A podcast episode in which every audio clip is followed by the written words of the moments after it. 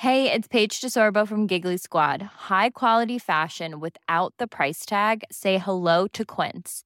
I'm snagging high-end essentials like cozy cashmere sweaters, sleek leather jackets, fine jewelry, and so much more. With Quince being 50 to 80% less than similar brands.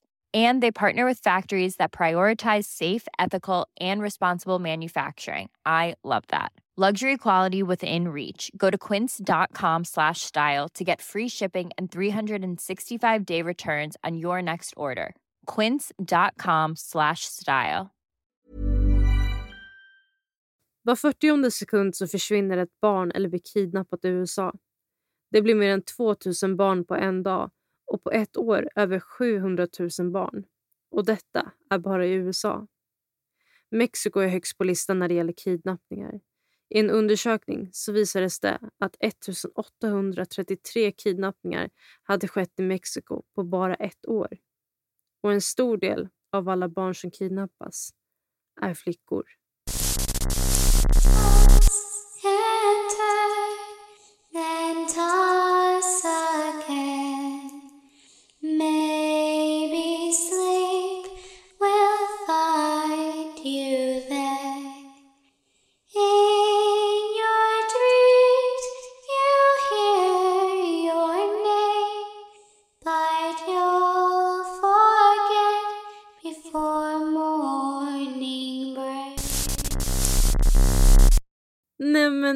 Hej alla lyssnare, hoppas allt är bra med er. Hörrni, idag är det fredag och vi sänder ett nytt avsnitt. Och eh, som ni hörde här precis i början så ska vi snacka kidnappningar för första gången i vår podd, Alisa. Ja, vi ska göra det och jag är faktiskt ovanligt taggad på det här. Trots att det inte är en av mina favoritämnen så ska det bli väldigt eh, intressant att både berätta och lyssna. Mm. Jo, men där är ju du och jag helt olika för det här är ju verkligen ett ämne som jag intresserar mig i. Så att vi är verkligen så A och O på... Eller A och O kanske man inte ska säga, men väldigt olika i eh, vad vi tycker om för ämnen. Ja, jo, det är vi definitivt. Men det är väl antagligen det som gör det så bra, tror jag. Att vi får in så mycket um, olika ämnen i podden. Mm. Ja, vi tillför verkligen. ju verkligen liksom våra egna. Ja, jo men precis. Eh, men som ni hörde här i början då så är det ju en, en stor del av alla barn som kidnappas är ju flickor. Vilket man också har sett ganska mycket i eh, statistiken och eh, som ni säkert har hört talas om. Mayors Errol Castro, Josef Fritzl och så vidare. och så vidare. Eh, men du Alisa, jag har ju tänkt att snacka idag om ett annat fall än just Mm. de här jättestora fallen. Dock var ju det här ett fall också som blev eh, väldigt stort men har inte snackats om lika mycket som kanske Ariel Castro och eh, Josef Fritzl-fallet. Men Mm. jag kommer prata om en flicka som blev kidnappad och hölls fången i 18 år.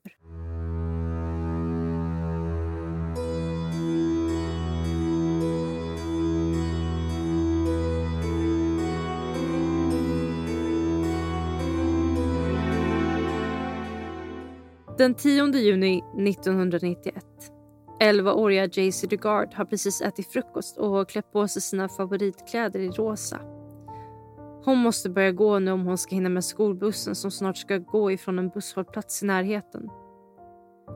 Hon börjar gå upp för backen på vägen som hon går när hon plötsligt ser en grå bil köra upp bredvid henne. Hon tror där och då att eh, föraren ska fråga om vägbeskrivning. Mannen i bilen rullar ner rutan och har något i sin hand. En elpistol. Han skjuter henne med den och hon faller ner mot marken medvetslös. Mannen i bilen stiger ut och bär in Jaycee snabbt in i bilens baksäte. Där sitter mannens fru och försöker hålla fast Jaycee under tiden som hon vandrar in och ut ur medvetandet. Det enda hon får fram i ord är att hennes föräldrar inte har råd med en lösensumma. Mannen och kvinnan i bilen är paret Philip Garrido och hans fru Nancy.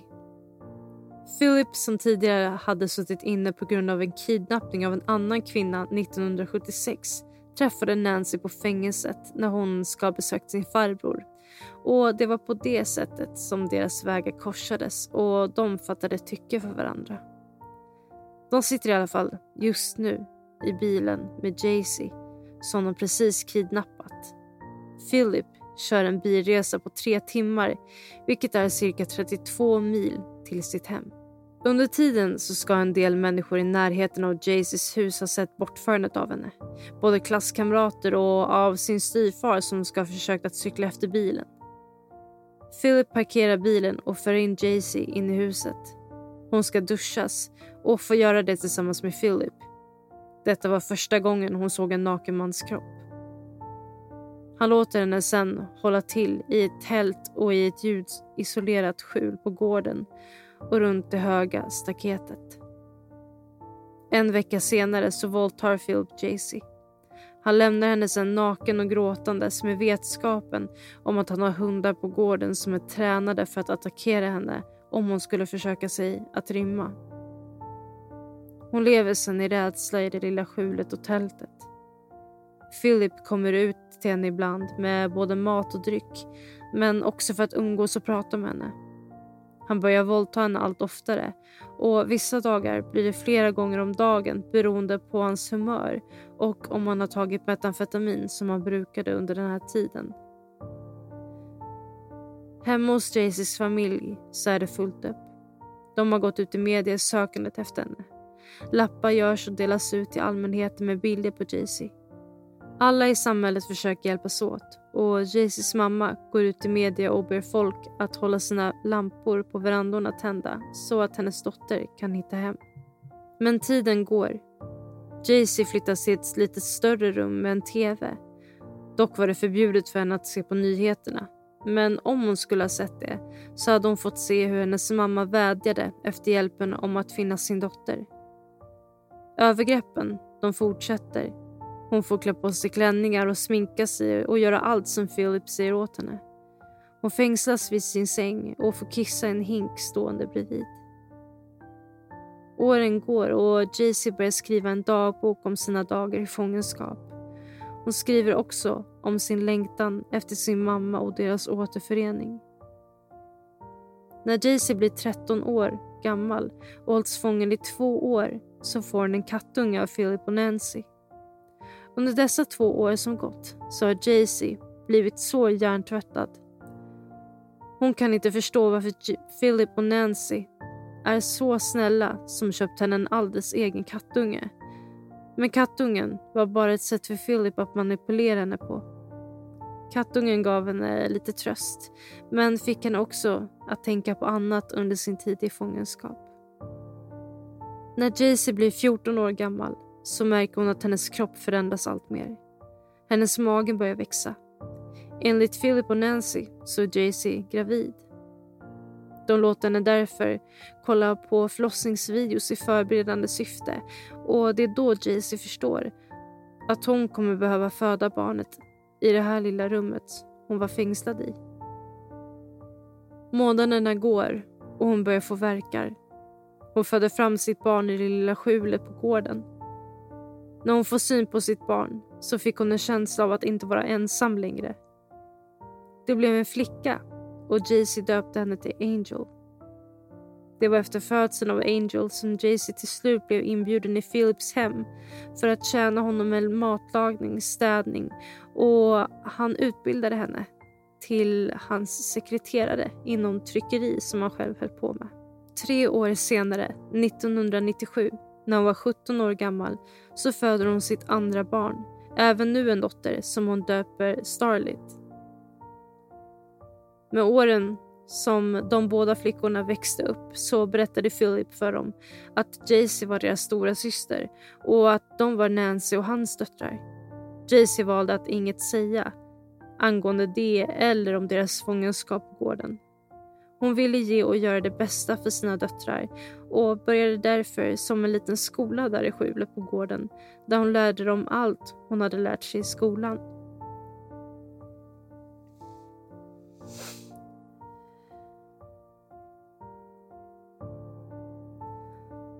Åren fortsätter att gå och Philip hade börjat ta med sig Angel och Starlit på olika jobb inom tryckeriet. Det är den 24 augusti 2009, en dag innan han ska hålla en predikan vid University of California, Berkeley. Philip var en väldigt religiös man som eh, ville dela Guds ord och menade på att Gud talade genom honom och att han imorgon ville eh, dela sina ord till människorna vid universitetet. Men det han inte vet är att två poliser som befinner sig på platsen har ett öga på honom och de två flickorna han har med sig. Flickorna beter sig avvikande. De är blyga, vill inte hålla ögonkontakt och ser båda väldigt bleka ut i hyn. Klockan är även ett, mitt på dagen och ingen av dem är i skolan. Poliserna får en dålig magkänsla. Någonting känns inte rätt. Poliserna kollar upp Philip och gör en bakgrundskoll på honom och ser då att han har varit dömd för kidnappning av en kvinna 1976. Och De bestämmer sig för att försöka tala lite mer med flickorna under morgondagen. Den 25 augusti är här och det är idag Philip ska dela sin predikan. En polis, Mr Jacobs, bestämmer sig för att gå på mötet men inte för att lyssna på Philip utan för att försöka få reda på mer om flickorna. De säger till Jacobs att att eh, de är hemskolade och att de har en stora syster där hemma. Jacobs känner mer och mer att någonting inte stämmer och dagen efter den 25 augusti så åker två poliser till Philips hus för en intervju med honom. Under sin visit där så ser de inte döttrarna eller stora systern som polisen Jacobs ska ha hört talas om.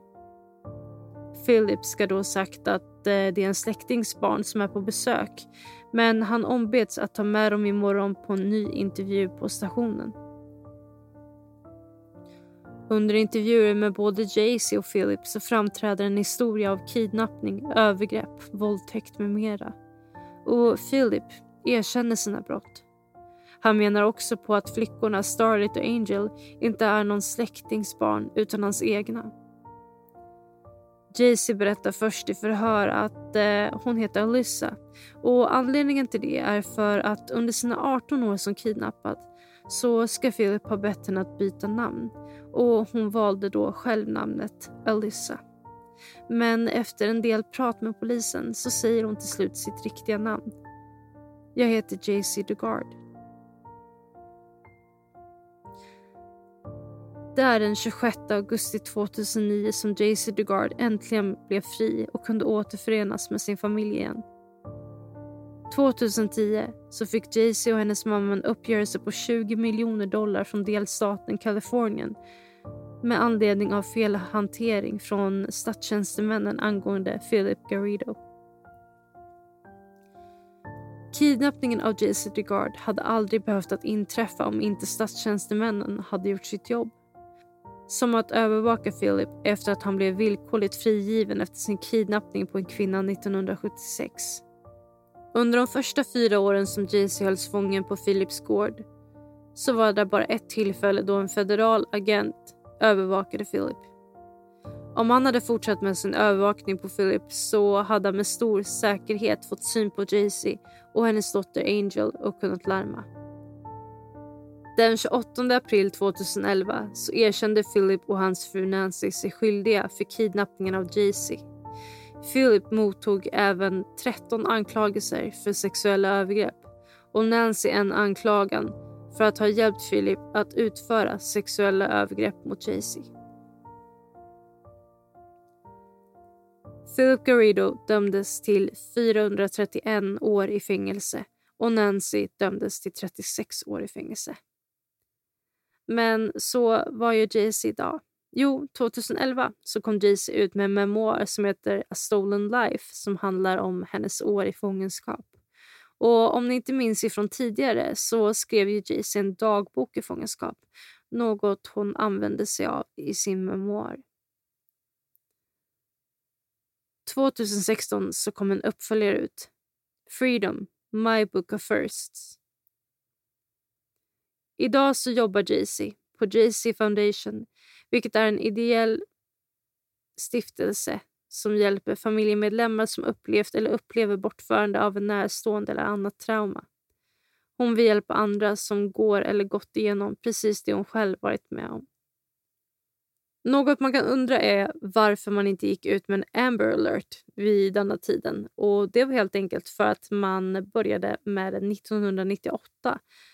Alltså sju år efter JC DeGard blev kidnappad. Men hade Amber alert funnits då så hade hon nog hittats ganska snabbt. Men för inte er som vet vad en Amber alert är så tänkte jag informera er lite. Amber alert står för America's Missing Broadcasting Emergency Response. Man sände alltså ut ett meddelande över radiostationer och tv-kanaler, mobiler med mera med barnets namn, utseende och vart man såg han eller hon sist. Genom Amber alerts så har väldigt många barn räddats och det första barnet som blev räddad genom en Amber alert var då den åtta veckor gamla Ray Lay. För att en Amber alert ska gå ut så måste vissa kriterier uppfyllas. Nummer ett är att polisen med all säkerhet vet att barnet är försvunnet eller bortrövat. Nummer två är att barnet kan vara i risk för skador eller död. Nummer tre att det finns ett bra signalement på barnet eller på förövaren. Och den sista, nummer fyra, barnet måste vara 17 eller yngre. Och själva uppkomsten då, till Amber alert skedde på grund av att en flicka som hette Amber Hagerman bortrövades och dödades i Texas 1996. Och Ingen kidnappare eller mördare åkte fast på grund av eh, så lite bevis vilket gjorde att poliserna sen kom på ett nytt kommunikationsmedel att använda när kidnappningar och så vidare sker. Och vilken success det ändå blev med tanke på hur många som har räddats. Eh, vi har ju ingen Amber alert här i Sverige ännu, men jag tänkte att vi kunde lyssna på hur en sån signal kan låta om man har Amber alert-funktionen på sin mobil. Alltså hur den larmar när ett barn har försvunnit eller blivit bortrövad.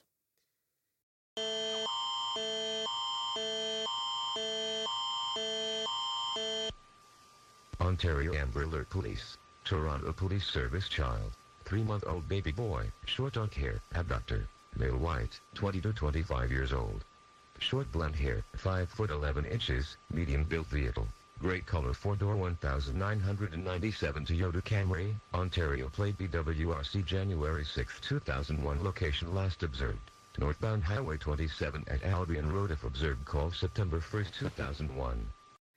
Och Det är alltså så där ett Amber alert-larm låter i mobilen om man har den funktionen. Nu har ju inte vi Amber alerts här i Sverige än. Däremot så har ju vi någonting som kallas för rikslarm som vi kan gå ut med eh, när till exempel ett barn är försvunnet eller bortrövat. Det är som alltid när man hör såna här mm, liksom, berättelser om vad folk har liksom blivit utsatta för. Alltså man får ju, jag får ju rysningar i alla fall när jag hör sånt här. Mm. Och just att människor behöver gå igenom sånt. Mm. är alltså fruktansvärt och det är väl därför också på något sätt det det kan vara så intressant att lyssna på för att man blir själv så tacksam över att man har varit så pass skyddad, att man har sluppit det här. Mm. Inte för att någon ska behöva gå igenom det, Nej. Nej, precis. men att det faktiskt händer. Mm. Alltså det är ju liksom... Man vill ju att det ska vara att det liksom ska vara en omöjlighet att sånt här kan ske men samtidigt så är det ju oundvikligt så länge personer som är kapabla till att begå såna här brott faktiskt finns ute bland oss. Mm. Jo, precis. Och det fick mig, din historia fick mig så mycket att tänka på en bok som jag läste för ganska länge sedan faktiskt. Mhm. Eh, Så jag var ju tvungen att springa iväg och hämta den boken. Ja. Men eh, den heter Inlåsta och är skriven av eh, Emma Donahue Mhm. och handlar om eh, ja, men en liten pojke som också är född. Eh, han föds medan hans mamma är i fångenskap. Men Ah. boken utspelar sig ur pojkens perspektiv. ah, jag förstår. Okej. Mm. Så att den är liksom, det enda han vet det är, liksom, det är deras 10 kvadratmeter Mm. de har. Nej, usch. Det, det, är liksom, det är hans värld. Mm. finns ingenting utanför. Och just att liksom födas in i en sån värld Mm. där man blir så isolerad. Mm. Jo, och jag tänker ju bara lite mer så här till exempel på JC DeGards döttrar, eh, Starlit och Angel. Om de verkligen trodde på, när de var lite äldre där, att Philip och Nancy var deras föräldrar. Eller om de typ kände på sig att JC egentligen var deras mamma. Mm. Det känns ju på något sätt som att man kan känna, alltså att man bör typ känna på sig det. Att Mm. någonting känns fel. Men samtidigt om man liksom har Ja. vuxit upp i det från att ha liksom varit bebis. Så att, Ja. ja, då vet jag Ja, och inte. sen så vet man ju också, det var ju lite som vi pratade i vårt avsnitt eh, Barn som mördar, Mm, att barn tror på det man berättar mm, för dem. Just det. Alltså de är väldigt naiva på det sättet. Mm, Att du kan säga vad som helst så kommer de tro att det är den enda rätta sanningen. mm, Så där tror jag nog att det kan vara väldigt svårt för ett barn att gå in. Det är klart att man kanske kan känna att det liksom är att det känns fel. mm, Men jag tror samtidigt att bygger man upp ett så pass stort förtroende så tror de nog på det de har fått sagt till sig. mm, Det är ju den svåra punkten med liksom allt det här och är också det som gör... Alltså, barn är ju lätta offer för just den orsaken. mm. Och där behöver ju vuxna också mer steppa in. Och det är därför liksom det är så viktigt med hela det här att men du följer inte med främlingar. Nej, precis. Du hoppar inte in i deras bil. Du ska inte liksom ta emot godisar från någon eh, skumman i mm. ett gatuhörn. Nej. Hur gott det än ser ut. Liksom. Nej, och jag menar, det är ju liksom bara att lyssna på den här historien. Det här, här är ju Mm. liksom bara en man som kör upp och drar ner rutan och skjuter den med en elpistol. Liksom. Det är alltså... Ja. Nej, ja, det kanske man inte direkt kan lära henne. Att bli inte skjuten. Nej, precis. Eh, Om det är någon Det är som kör upp bredvid dig, rullar ner en ruta, spring därifrån. ja, Nej, jo, men, men, exakt.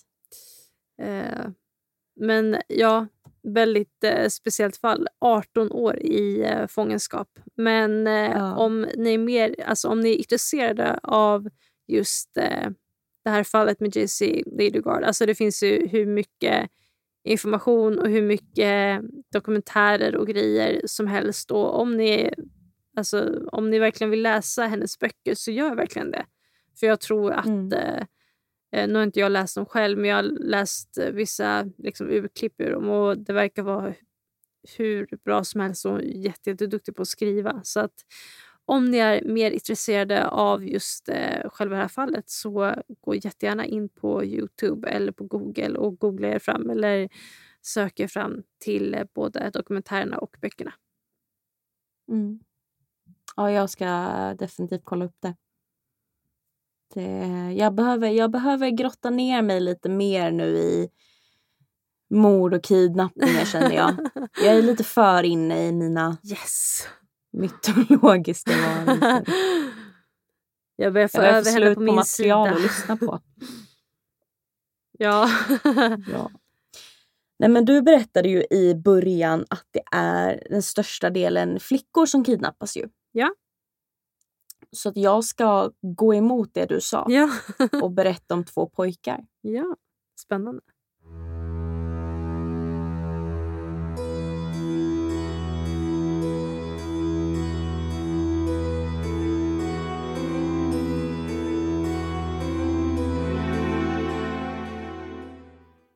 Den 4 december 1972 gick den sjuåriga Steven Steiner hem från skolan när han möttes av en man som delade ut religiösa broschyrer och bad om välgörenhetsdonationer.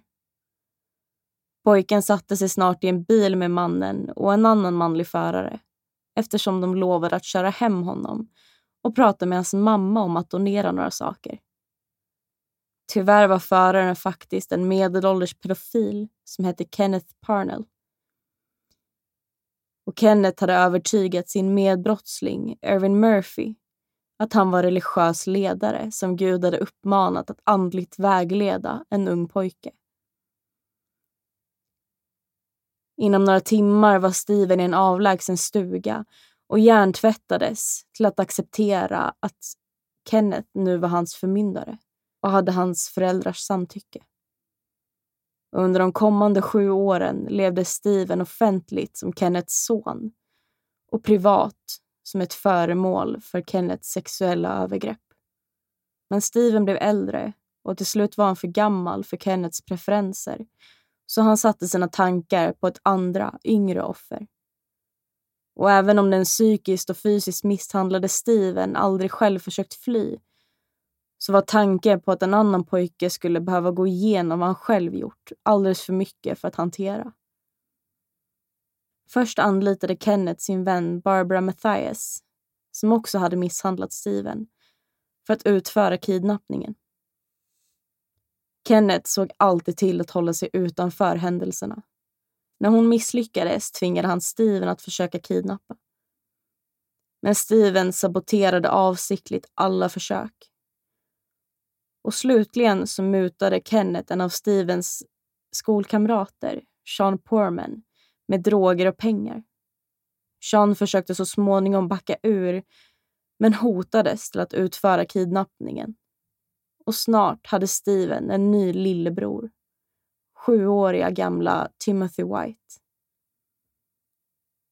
Steven blev snabbt känslomässigt knuten till den unga pojken och lovade honom att hålla honom från att drabbas av samma misshandel som han själv hade utsatts för.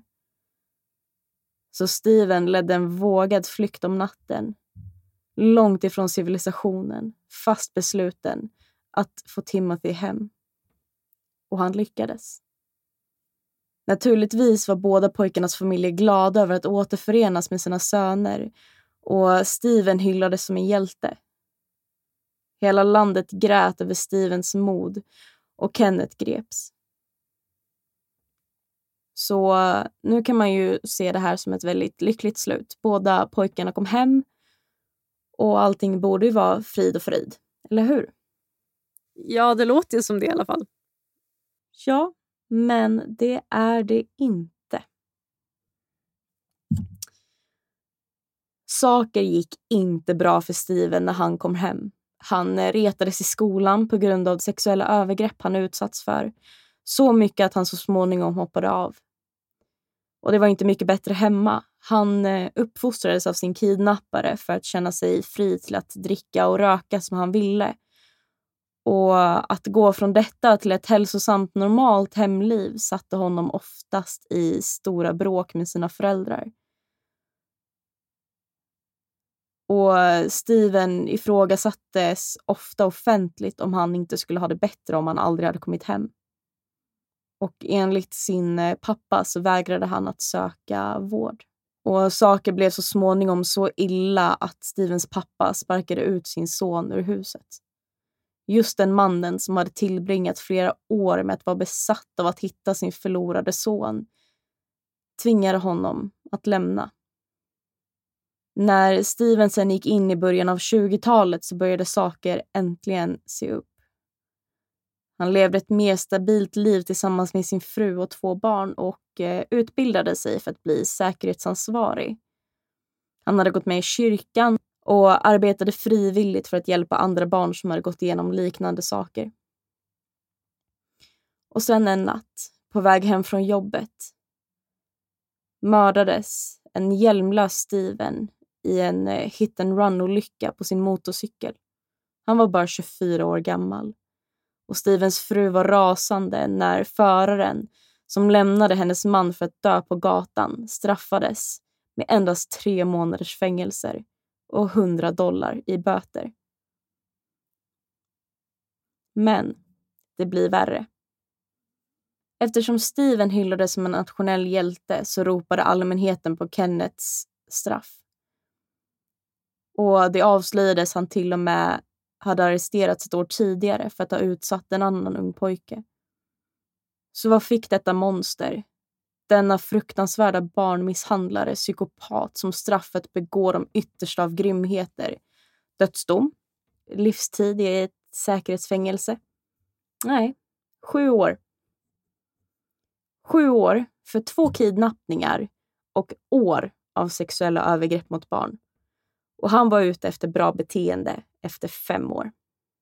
Och bara ett halvt decennium senare så var han ute på gatorna och eh, försökte hitta andra barn att misshandla. I själva verket så um, upptäcktes han 2004 där han försökt köpa en fyraåring online.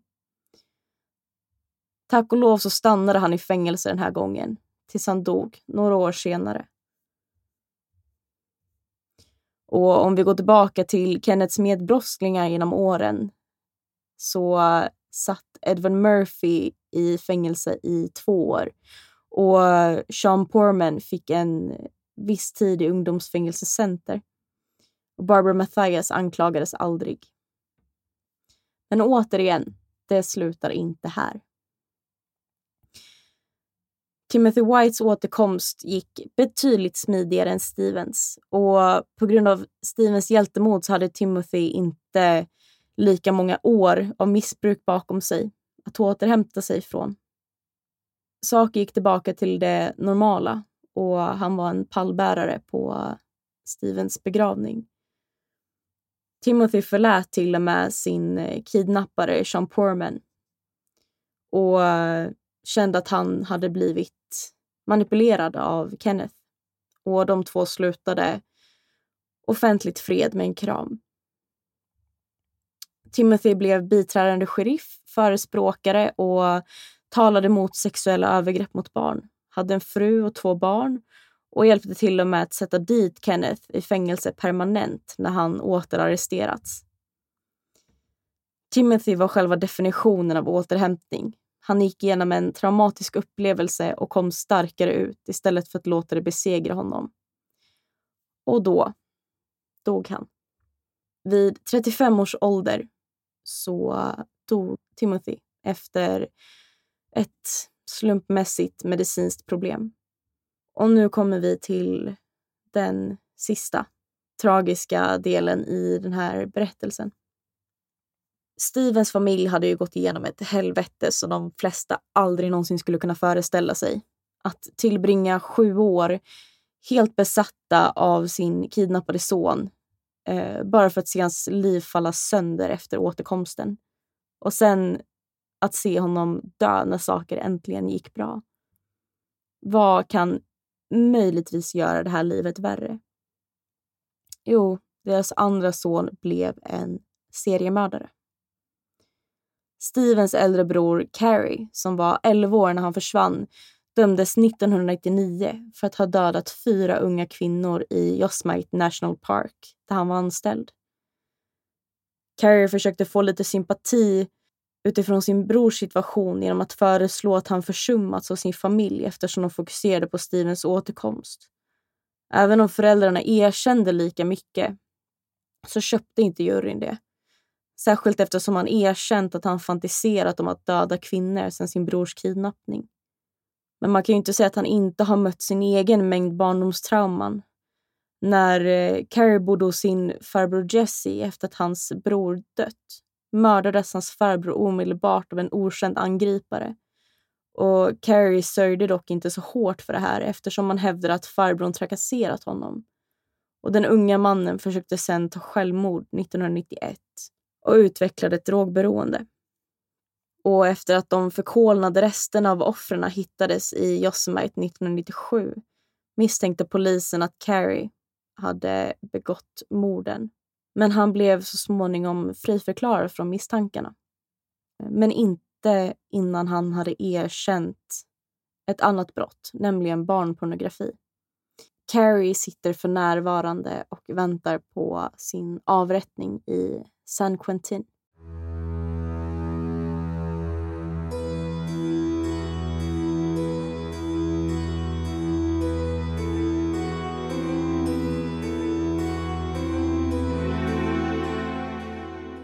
Men vad sjukt fall. Ja, det kan man Eller säga. ja, olika fall egentligen eftersom det liksom är en bunt av eh, både det ena och det Mm. andra. Men vilken outcome. Jo, alltså det är ju inga lyckliga slut. Nej, verkligen inte. Och jag menar sju år för kidnappning av två små pojkar. Jag menar om man jämför det med det fallet som jag hade så eh, är ju typ skillnaden eh, ja, men typ eh, 420 någonting år. Ja. Det är helt otroligt. ja, nej, det är alldeles för lite straff. Alldeles för lite. Och Han kom ut efter fem för gott beteende. Mm. Alltså det är ju det mest Mm. skrattretande när man ser en sjukt hemsk brottsling som man hörs släpps Mm. för gott beteende. Man bara, det finns inget gott beteende i att mörda eller kidnappa eller våldta folk. Det borde inte ens vara ett alternativ Nej, att komma så- ut för gott jag menar- beteende. Ja, och så, så jag menar, det är bara att titta efter de där sju åren vad han gjorde sen. Ja. Jag menar, det borde ju vara ganska tillräckligt med bevis på att sju år inte riktigt räcker till. Nej, nej. Nej. Så att den här berättelsen var ju lite annorlunda i och med att jag inte fokuserade så mycket på själva liksom kidnappningen i och med att det hände så mycket efter kidnappningen. Mm. Men ack så intressant. Mm. Väldigt. Men det är alltså mitt hjärta brast när jag först läste om det här att han vart retad i skolan på grund av Mm. att han hade blivit alltså sexuellt utnyttjad. Ja. Ja, och sen så hur han behandlades av sin familj också. Mm. Ja, alltså det är en det är en väldigt speciell situation överlag för det är också om man liksom tar i kontext den här biten att han alltså han var kidnappad när han var sju år Mm. och eh, tog sig fri när han var 14. Under hela den här perioden från att han var 7 till 14 så vart ju han alltså uppfostrad Mm. och han fick ju lära sig att vissa saker var okej. Typ som att dricka och röka. Och att då liksom komma Mm. ut i den normala världen igen. Det är klart att det blir en omställning. Mm. Sen så ville ju inte han Jo, gå sen- på liksom någon terapi. Nej. Men alltså, sen förstår jag föräldrarna på ett sätt också. Men samtidigt så är det så här, okej, deras son har varit borta i sju år. Ja. Och jag menar, under de sju, bara, un, alltså, bara under dem just alltså, från 7 till 14. Det hände ju så extremt mycket i ens liv under liksom, de åren också. Bara för sig. ja, verkligen. Och sen just med kidnappningen och eh, de sexuella övergreppen och allt det här. Jag menar, som om att föräldrarna tror att deras lilla son ska komma tillbaka och vara precis som den han var dagen han försvann. det verkligen Det känns ju liksom... eh, Det är ju inte rimligt. Nej. Men sen kanske man inte tänker rimligt heller. Men jag tycker ändå att det var eh, väldigt hemskt att, eh, ja, men att han blev retad för det i skolan. Att det liksom Mm. hade kommit ut så. Och sen att hans familj liksom slängde ut honom. Eller att hans pappa slängde ut honom. Ja. Nej, alltså det är ett väldigt speciellt fall överlag. Inte bara det som händer runt omkring utan själva kidnappningen också. Men okej, men om man är mer intresserad av eh, det här fallet. Finns det då dokumentärer eller böcker eller någonting mer som man kan läsa eller titta på om man nu är mer intresserad? Det finns en eh, serie som är väldigt, väldigt gammal. Som är gjord Mhm. 1989. Som heter I know my first name. Eller I Mm. know my first name is Steven. Som eh, gjordes om den här kidnappningen och som gjordes specifikt om Steven. För att man måste också ta till, liksom, i Mhm. åtanke att han var ju, alltså han var ju verkligen, han var en hjälte för alla. Mm. Vilket han verkligen, verkligen var. Det är så starkt. Mm. Och um, sen har ju ABC News gjort en eh, story om det här. Mm. Mm.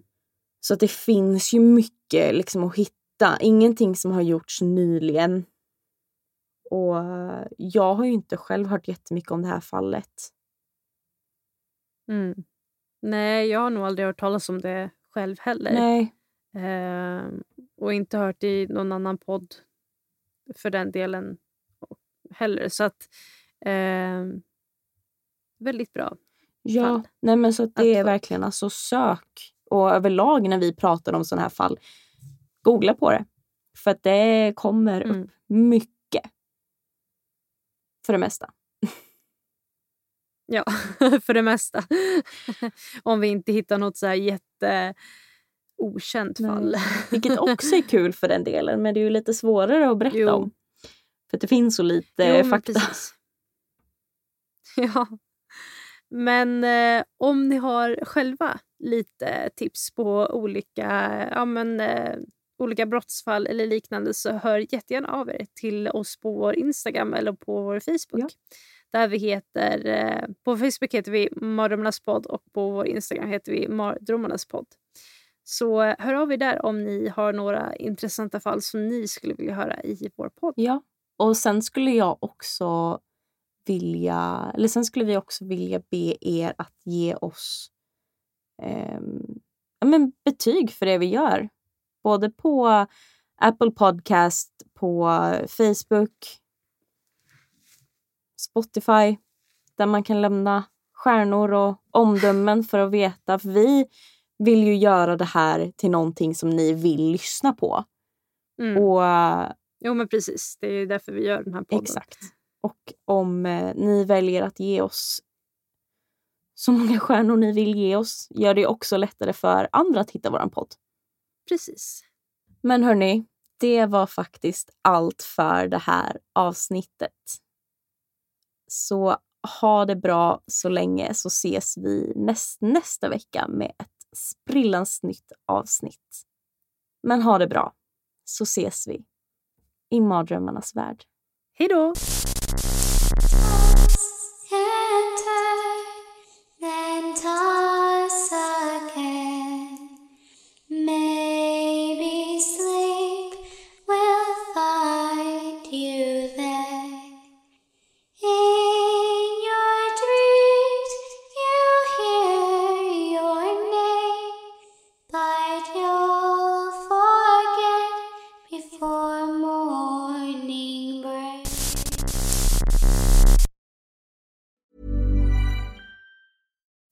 On a budget, we still deserve nice things. Quince is a place to scoop up stunning high-end goods for 50 to 80% less than similar brands. They have buttery soft cashmere sweaters starting at $50, luxurious Italian leather bags, and so much more. Plus, Quince only works with factories that use safe, ethical, and responsible manufacturing. Get the high-end goods you'll love without the high price tag with Quince. Go to quince.com slash style for free shipping and 365-day returns.